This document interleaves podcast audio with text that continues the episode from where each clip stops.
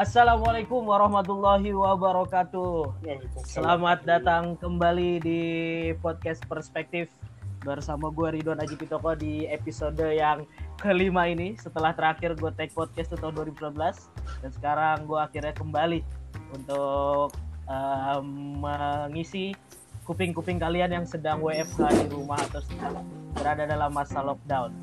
Hari ini gue udah bersama rekan gue, salah satu sahabat gue, salah satu pekerja di Jakarta juga dan salah satu netizen yang akhir-akhir ini sering marah-marah di Twitter Waduh, atau kenapa bukan marah-marah itu um, kalau sebelum tidur aja. Iya semua iya orang iya. juga gitu pasti. Uh, gua sekarang bersama Lukman Hakim eh yang jangan dong perkenalin guanya namanya podcast gua aja cuman oh, ngobrol oke iya iya. Jadi biar ini uh, uh, ownernya podcast cuman ngobrol yang Oke. jadi bintang tamu gue di podcast episode ketiga yang ngebahas soal gajinya gede banget amin amin udah amin lebih gitu sekarang sih itu kan masih di tempat lama nih Oh, Kan gua udah pindah ke tempat baru, nanti Bener kita bahas lagi ya, Man. Nanti kita bahas lagi ya, Man. ya. Ntar, ntar. Berarti- kita bahas lagi kita berarti- cari momennya dulu gimana Iya, iya, iya. Berarti out of topic, eh, lu eh, termasuk tidak termasuk eh, perusahaan yang dipotong gajinya ya? Batu bara coy kalau nggak ada Oh, gua energi tidak akan terjamin lu akan kena mati lampu sehari tiga kali Dasar bener-bener ya. Berarti lu rekan eh, rekannya tukang monopoli listrik ya? sama tukang eksploitasi bumi tukang merusak bumi Oke, Itu oke. dia. Di episode yang kelima ini gue sama Lukman mau ngebahas tentang PSBB ya. Pembatasan eh, Suka berubah-ubah. PSBB PSBB apa sih, Man? batasan suka berubah-ubah Oh iya, kata anak pembatasan Twitter begitu. berubah. Oh iya, iya benar. pembatasan sosial Pembatasan berskala besar sosial berskala berarti. besar. Nah ini kan eh, ber- berdampingan atau eh, dilakukan untuk memutus rantai penyebaran virus COVID-19. konspirasi Berarti ah konspirasi ya katanya konspirasi. Kita nggak bahas itulah, kita nggak bahas itulah. Nah siap siap eh, siap itu kan udah jadi ranahnya orang lain mas. iya benar Kita yang yang yang dikit geser dikit lah. yang awam-awam Nah. aja Iya. Nah, pembatasan sosial berskala besar atau PSBB ini kan mulai dari bulan Maret, ya kalau gua nggak salah akhir ya Maret. Mm, Iya, minggu Maret, ketiga minggu Maret, keempat Maret. Nah, itu sekarang udah hampir dua bulan. Nah, eh, lu melihatnya gimana nih, Man? PSBB yang sekarang yang dari Maret sampai sekarang ada di Jakarta dan hampir di seluruh wilayah di Indonesia.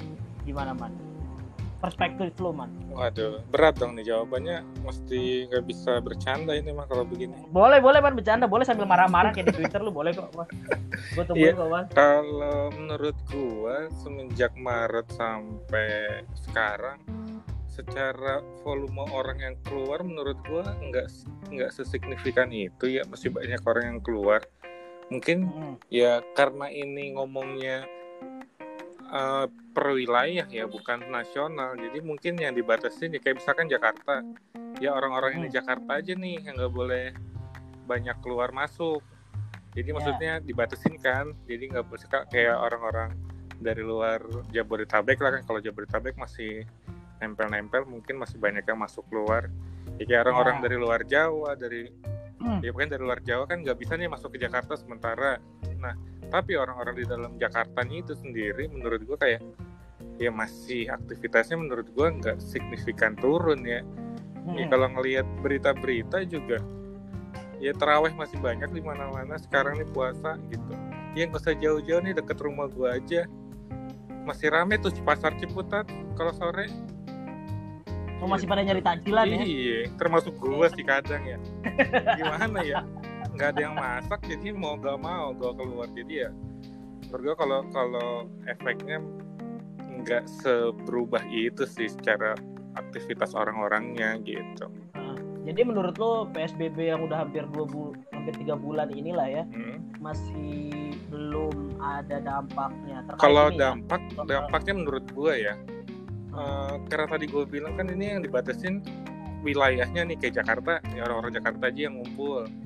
Hmm. orang kita Tangsel, di Tangsel aja yang ada harus ada di sini nggak boleh ada orang luar. Jadi sebenarnya kalau efeknya kan ini sebenarnya ngebatasin juga klaster awal yang masuk ya. kayak Iya, misalkan ah. gue nggak tahu kalau di Jakarta klasternya Depok mungkin yang klub malam itu kali ya awalnya ya ya. Nah itu kan yang dibatasin sebenarnya. Kayak di misal di Jogja klaster ada yang namanya klaster Indogrosir terus Mm-mm. klaster Ijtima. Eh, eh kok Ijtima sih? gua- salah. Gue bener ya Ijtima ya. Ntar gue salah nyebut terjadinya Jima jadi salah apa-apa ban nggak apa-apa. Lu ini masih bukan gua. Angkat tangan gua ntar. Iya kan maksudnya kan ya, yang di diusahain sekarang menurut gue ya itu kan yang yang klaster-klaster ini coba, eh, jangan sampai nyebar membentuk klaster-klaster baru, baru gitu. oh ya, ya itu ya, sih ya, menur- ya. menurut gue tujuan PSBB lebih ke arah situ sih. Nah, tapi ya nih kalau kalau gua ngeliatnya untuk untuk untuk memutus rantai penyebarannya masih masih belum efektif karena kita lihat beritanya kan jumlah positifnya nambah terus nambah terus yang meninggal pun nambah terus nambah terus tapi malahan eh, berdampak pada ekonomi yang Itu. eh, banyak, banyak kan. pengangguran akhirnya banyak yang di PHK nah terus juga sebetulnya yang yang yang gua salah satu yang bikin gua kesel juga adalah ketika kita nih ya Hmm. dari kita sendiri deh keluarga kita kita udah udah bilang nih nggak usah keluar ke mana-mana lah nggak usah ngumpul-ngumpul dulu Iya, tapi kemudian pasti. di nah, ah, di medsos tiba-tiba banyak nih orang-orang bodoh yang kemudian kayak yang kemarin di McD Sarina dan terakhir di Nah, itu, bandara itu. nah itu pelanggaran PSBB man itu gua ngeliat aja udah eh gila lo gue udah tiga bulan nih di rumah aja demi supaya kita nih udah apa nggak terdampak gitu tapi kenapa lo dengan mudahnya gitu ngumpul gitu kan lo ngeliatnya gimana Satu yang ada di Apakah- otak gue muncul pengikut jaring makin banyak. yang percaya sama konspirasi makin banyak. Itu bercanda sih. nah iya itu itu juga ya Nah, terus maksud terus. gue yang kalau gue gua membedakan nih antara yang dua kejadian itu ya antara yang orang-orang di McD Sarina sama orang-orang yang kemarin rame di Bandara Suta. Kan gue udah bilang di. Twitter juga tuh ya. Walaupun gak ada yang retweet juga sedih gue gue pengen viral tadi tapi nggak ada yang retweet gue nggak jadi viral kan tenang tenang. Ada waktunya man tenang aja man tenang tenang, Lu udah- tenang man lu udah pernah jadi sobat viral misalnya ya? Oh, udah ya itu itu rasanya biasa aja kok. Cuman HP lu bunyi terus aja ada yang retweet ada yang like gitu. Udah enak sih iya iya iya iya. Iya maksud gue tadi kenapa gue bilang beda dua kasus nih antara McD sama di Futa nah kalau di McD Hah? sih itu menurut gue emang orang-orang yang nggak punya empati aja gitu. Ya maksudnya oke.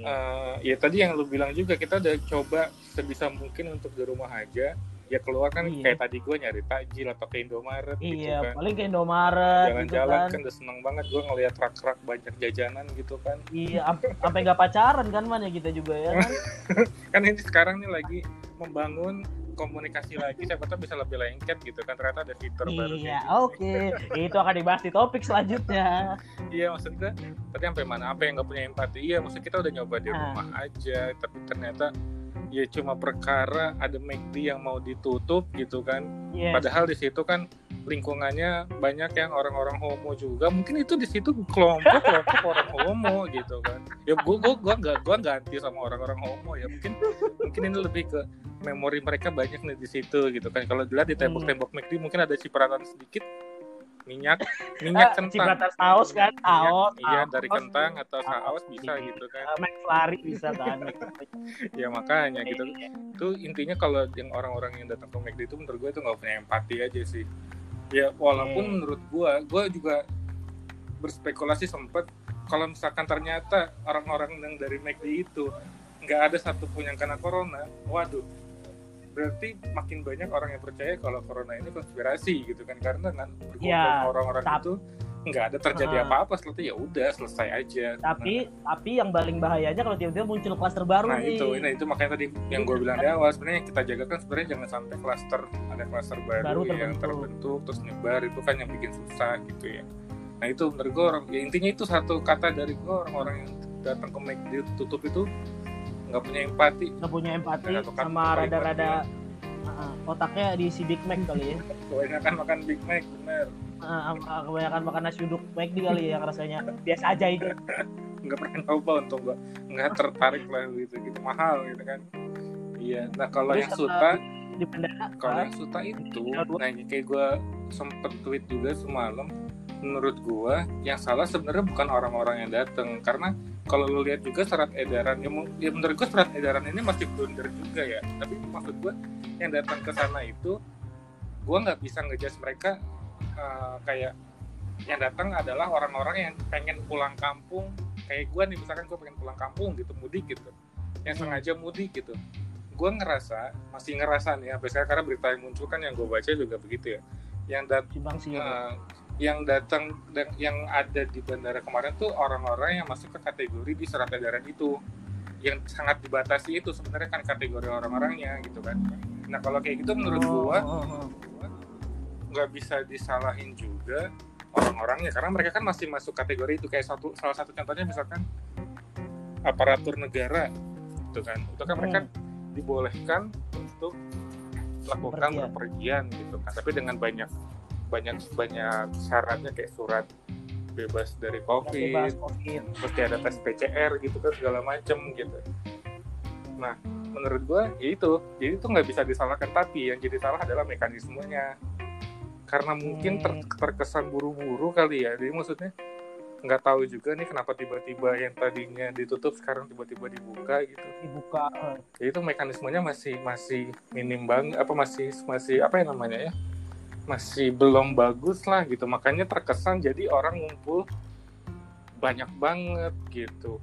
Padahal kalau dan lu ngeliat eh, dan lu ngerasa gak sih kalau misalnya pihak bandara juga sepertinya nggak siap nah gitu itu loh. dia. Makanya Makanya penerbangan. Itu kalau nggak salah ada delapan penerbangan Lion ada dan dua penerbangan Citylink yang waktu Citylink, ya. waktu berdekatan Nah, itu dia. gua, dengan kayak gitu harusnya lu udah menyiapkan physical distancingnya nah, terus juga bagaimana mekanisme ngantrinya ya nggak nah itu makanya gue bilang bukan salah di orang-orang yang masuk dalam kategori itu. Bisa jadi ya mekanismenya yang masih belum belum memadai gitu kan. Kalau gue baca jadi pemerintah pemerintah salah nggak man? Pemerintah kalau menurut ini kita ngelebar nih ya kalau gue ngomongin pemerintah menurut gue eh, kayaknya sekarang nih kita bener nih kayaknya lu pernah baca berita kan Kita- presiden ngomong kita harus mulai berdamai nih sama berdamai sama dengan COVID. COVID-19 dalam artian ya nah eh, bukan bukannya kita pasrah gitu kalau kalau yang gue tangkap dari omong itu bukannya kita harus pasrah tapi kayak Hmm. ya udah kan ilmuwan juga bilang ini nggak akan instan untuk dapat vaksin Hmm. segala macamnya bisa sampai 18 bulan ke depan logikanya 18 ke Hmm. depan masa kita harus di rumah aja gitu kan? Ini baru dua bulan aja. Ya. Gila banget semua orang reaksinya semua orang ngerasa benar sama opininya mereka gitu termasuk gua gitu kan. Ya. Apalagi kita harus menunggu sampai 18 bulan ke, ke depan sampai 18 bulan. sampai nunggu vaksinnya ada gitu. Waduh ini bisa gila sih man. Bisa gila sih makanya gitu kan. Jadi menurut gua kalau kita ngomongin pemerintah mungkin ini kayak mau di rebuild lagi gitu ya. Jadi yang sempat dua bulan ini ya semuanya. Menurut gua emang pemerintah itu nggak ada yang siap gitu di mana pun menurut gua ya. Ya, ya gue setuju itu gue setuju. Di negara mana pun nggak ada yang kan nggak ada yang siap negara gitu. pun di negara pun mereka kelabakan Hmm, gitu loh menghadapi makanya gue sempat kepikiran ini negara-negara selama Man- ini cuma mau majuin militer militer doang nih. Cuma mau gengsi-gengsian militernya bagus-bagusan. Tapi untuk ketika ada wabah kayak gini mereka nggak ada yang siap gitu kan. Itu bahaya banget gitu. Hmm, oke, oke. jadi menurut gue kalau kalau dari sisi pemerintah ini gue nggak tahu ini disebut pelonggaran psbb atau enggak tapi menurut gue Man lu lagi di mana man? pemerintah lagi nyoba untuk gue gue keluar rumah nih kenapa jadi banyak motor Suara lu putus-putus nih.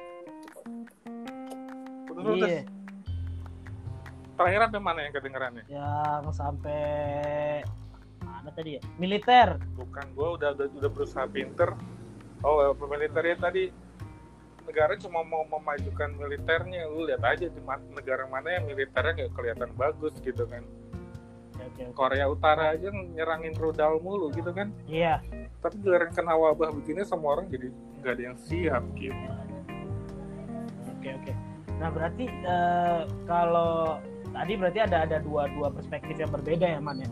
Secara pelanggaran PSBB iya kalau lu kasih contoh dua kasus Nah. itu di McD Sarina dan bandara perspektif lu berbeda. satu di McD Sarina tidak ada empati orang-orang berkumpul nah, Iya. cuman per- perihal McD yang mau tutup terus yang kedua di Terminal 2 Hmm. Bandara Suta memang ada orang-orang yang harus eh, melakukan ba- balik ke daerahnya Nah, sesuai dengan benar surat benar. edaran yang dikeluarkan pemerintah nah eh, iya ngomongin soal McD Sarina juga kan padahal itu eh, udah bilang kan direktur utama Sarina kalau eh, eh, McD ada kemungkinan buka lagi kan Iya, ternyata itu berita yang baru muncul ketika orang ramai tutup tutup tutup tapi tadi cuma bukan bukan mau ditutup iya permanen tapi itu mau, mau direnovasi gitu kan. dulu gitu loh jadi nanti ada kemungkinan buka lagi Iya. itu kebayangin gak sih lu tiba-tiba orang ketika, Makanya. ketika buka lagi bagi Sarita terus ngumpul lagi gitu gitu aja terus ya gitu Iya. Malu mah. Udah nggak punya empati, nggak punya otak, lu udah deh. Kacau. padahal eh, di sekitar Sarina itu Hmm. termasuk zona merah loh ada di mana sih Gondang Dia di daerah Tanah Abang itu di Sarina tuh ter, ter, terhimpit zona-zona merah loh jadi kalau kalau nanti mungkin tidak ada klaster baru ya kita bersyukur pastinya kan ya alhamdulillah tapi kalau ada Mm-mm. itu yang bakal jadi berat lagi buat eh, Oh, itu kacau sih. itu parah Kalau beneran ada klaster baru dari situ. Eh, berikutnya ini kan ada beberapa isu kalau misalnya katanya PSBB udah mau dilonggarin karena pilihannya buat pemerintah dua PSB eh, kit- eh, eh, terus PSBB sampai pandemi selesai atau dibuka perlahan-lahan supaya ekonomi jalan lagi nyaman. Perspektif lu ngelihat hal Hmm. itu kayak gimana, Bang? Gitu yang gue bilang tadi, kayaknya banyak negara juga udah nyoba mulai untuk nggak fokus cuma untuk ngatasin si pandemi ini. Man, Kayak kalau baca berita banyak. Halo, halo. lo, lu di mana sih? Ada suara gua. Ada, Ini dalam rumah lagi Ada. udah. Tadi rame rumah. ada mendem. Sekarang udah sepi lagi. Iya. Eh, tadi sampai mana tuh kan? Gue lupa lagi. Iya. Ah, maksud gua iya maksud gua tadi eh, yang mulai ak- aktivitas ekonomi mulai di- dibuka lagi Hmm. gitu ya. Menurut gua iya bisa dibilang setuju sih gua. Kenapa ya? Tadi yang kayak di awal gua nggak mungkin bisa nunggu sampai 18 ke depan sampai ini selesai. pandemi benar-benar habis gitu. Ada vaksinnya. karena menurut gua pun udah ada vaksinnya juga nggak bakal hilang gitu. 100% tapi eh, dengan keadaannya sekarang kan udah banyak nih pengalaman dari Hmm. pemerintah gitu kan ngatasinnya gimana itu sementara ya kita jalanin dulu aja eh, jalanin dulu aja. Iya, bener. baik. semuanya harus baik. gitu kan sampai semuanya bener-bener nyaman gitu kan Ntar orang-orang juga lupa gitu kan jadi ya udah ngeblend aja Kok gua ngerasanya gitu ini kita sama ngebahas yang lain ya? gitu. Jalanin dulu. Gak usah terlalu nyaman. multi interpretasi dong santai aja Iya, iya, iya, iya, iya. kebanyakan di rumah nih jadi mikirnya macam-macam overthinking Iya. kalau kata anak-anak muda zaman sekarang Berarti lu salah satu orang yang setuju kalau misalnya benar kita kembali iya kita menghadapi the new normal berarti mana ya? Kita mau nggak mau, Itu. kita mau nggak mau harus menghadapi the new normal, ya nggak sih? ya elit global tercapai tujuannya berarti Elit global. bener nggak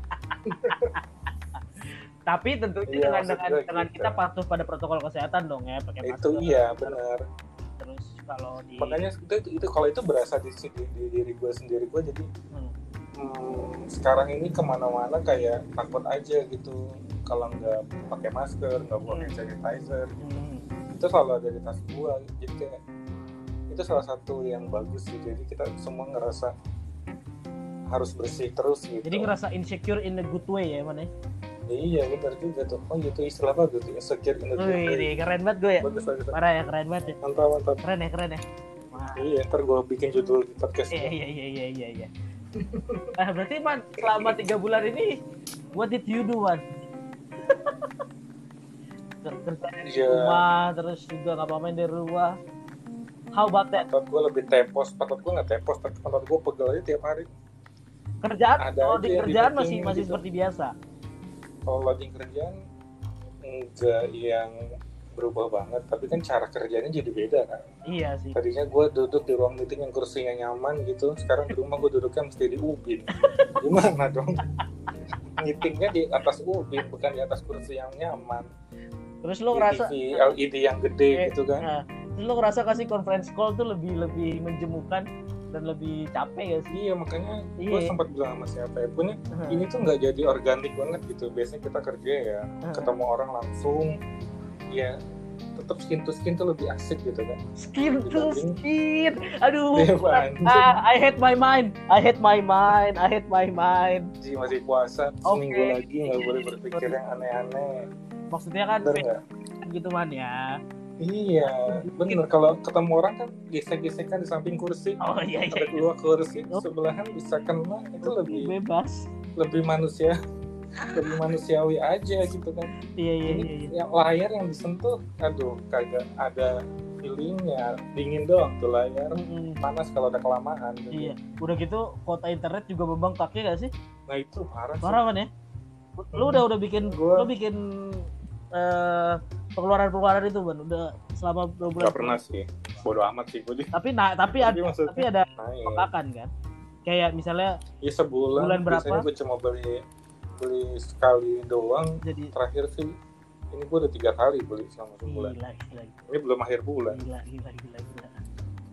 Pantesan ya Ternyata cuma- eh, eh, terus apa namanya jasa teleinformatika dan telekomunikasi salah satu yang naik loh karena mau gimana? Nah itu makanya gue pengen ngelamar di sana kali lowongannya bagus kali. Ya udah batu baru lagi anjlok nih coy. Ya apa-apa apa-apa lah kan masih masih masih dalam tahap adaptasi coy. Iya benar benar benar. Kan ntar kalau rebound semuanya baik lah. Siap siap. Thank you loh man udah menyampaikan perspektif soal psbb ini. Nanti kita waduh. nanti kita bincang-bincang lagi dengan topik-topik yang lain ya udah nih. Udah begini aja kita. Katanya sampai dua jam tadi nggak usah kecapean dong saya. Tidak ada yang dengerin sampai juga. sahur. Tidak ada yang dengerin. Males gini Ya tadi lu- suara lu ada yang putus-putus juga kesel gua. Kan ntar siapa tahu eh, viral pada waktunya ini akan jadi viral nih. Iya viral. Dalam waktu semalam gitu kan. Tiba-tiba ada yang ada tukang nasi goreng pakai walkie talkie depan rumah lu gitu kan iya. Gue hilang. Hilangnya hilangnya bukan hilang diculik hilangnya kayak dihilangin Thanos gitu. Tiba-tiba badan gue hilang kayak videonya ini dong Geralt kemarin yang iya benar-benar itu. Kok orang bisa gitu? global. gitu ya Pan, ya? makanya orang gue sih iri tuh sama orang-orang yang bisa kreatif iya gitu. gue deh gue di rumah aja kagak ada tuh begitu begituan. TikTok TikTok otak gue jadi berkembang gitu. Kayak apa namanya bikin joget-joget. Ada eh, bener-bener. Nggak cuma joget cerita ada cerita Iya, gitu di dalam satu video gitu. itu keren. Ini orang-orang berbakat semua jadi industri industri kreatif. Parah parah parah. Parah sih. Parah parah. Apalagi sih ini yang Kristo tuh yang suara bisa Nah, itu nge-impersonate gila sih. Avengers tuh. Wah kacau nah makanya. Gitu man. Begitu kalau mau viral. Ya ya kita ngata-ngatain orang aja. Ih, viralnya begitu ini kan lu udah mulai lagi nih lu juga nih konten pertama lu setelah tiga bulan kan? Bener kan? Eng- enggak sih man. Nah mungkin ide enggak juga. Gue terakhir tag 2019 iya maksud gua selama tiga bulan ini ide kreatif ide kreatif tuh nggak ada nih baru eh, iya baru kan. muncul lagi nih. Ya makanya ini awal dari lu untuk jadi viral. Iya, tapi jadi sobat viral lah jilid tapi gue dua udah gitu pernah kan. sih viral. Iya makanya jilid dua tapi yang viral pertama juga kontennya bukan konten sendiri. Bukan, iya video orang. Iya. Video orang pakai kan di hashtag. Twitter semua orang begitu. Konten orang yang di re-upload jadi viral dia sial. Lu ya udah. Siap thank you loh man. Sekali lagi man. Siap. Eh, udah eh, bergabung di podcast gua jadi bintang tamu podcast gua. Oh, sama-sama. Oh mungkin ntar kalau itu gua akan ngebalik untuk ngejak lu di podcast gua. Iya. kita bahas sesuatu aja nanti. Gue bakal siap kalau lu tahu caranya begini oke lah Iya. bisa lah diatur lah siap. Oke sekali lagi thank you man. Stay safe stay healthy. siap thank you. di rumah. Uh, thank you. Sama-sama biar semuanya sehat. Amin. Oke. Semoga gue pengen konklusi dari semuanya tuh ini adalah konspirasi gitu. udah udah udah gak usah dengerin ya sobat podcast semua. Teman-teman semua itu dia tadi bincang-bincang gue dengan eh, owner dari podcast cuman ngobrol. Iya dong, cuman ngobrol. yang juga netizen yang suka marah-marah di Twitter semoga apa yang gue sampaikan gue bincang-bincangkan dengan beliau eh, bisa jadi hiburan buat kalian semua di tengah pandemi Amin, amin, amin. semoga semuanya tetap sehat eh, tetap aman Gak cuma saya dong, semua keadaan iya mental, keadaan ekonomi, baik ekonomi budaya, sosial, Amin. semua dah pokoknya kembali jadi baik. Amin. Semoga kita bisa ke segera kan. betul oke sampai jumpa di Siap. episode berikutnya gua Rio Yo. pamit wassalamualaikum warahmatullahi wabarakatuh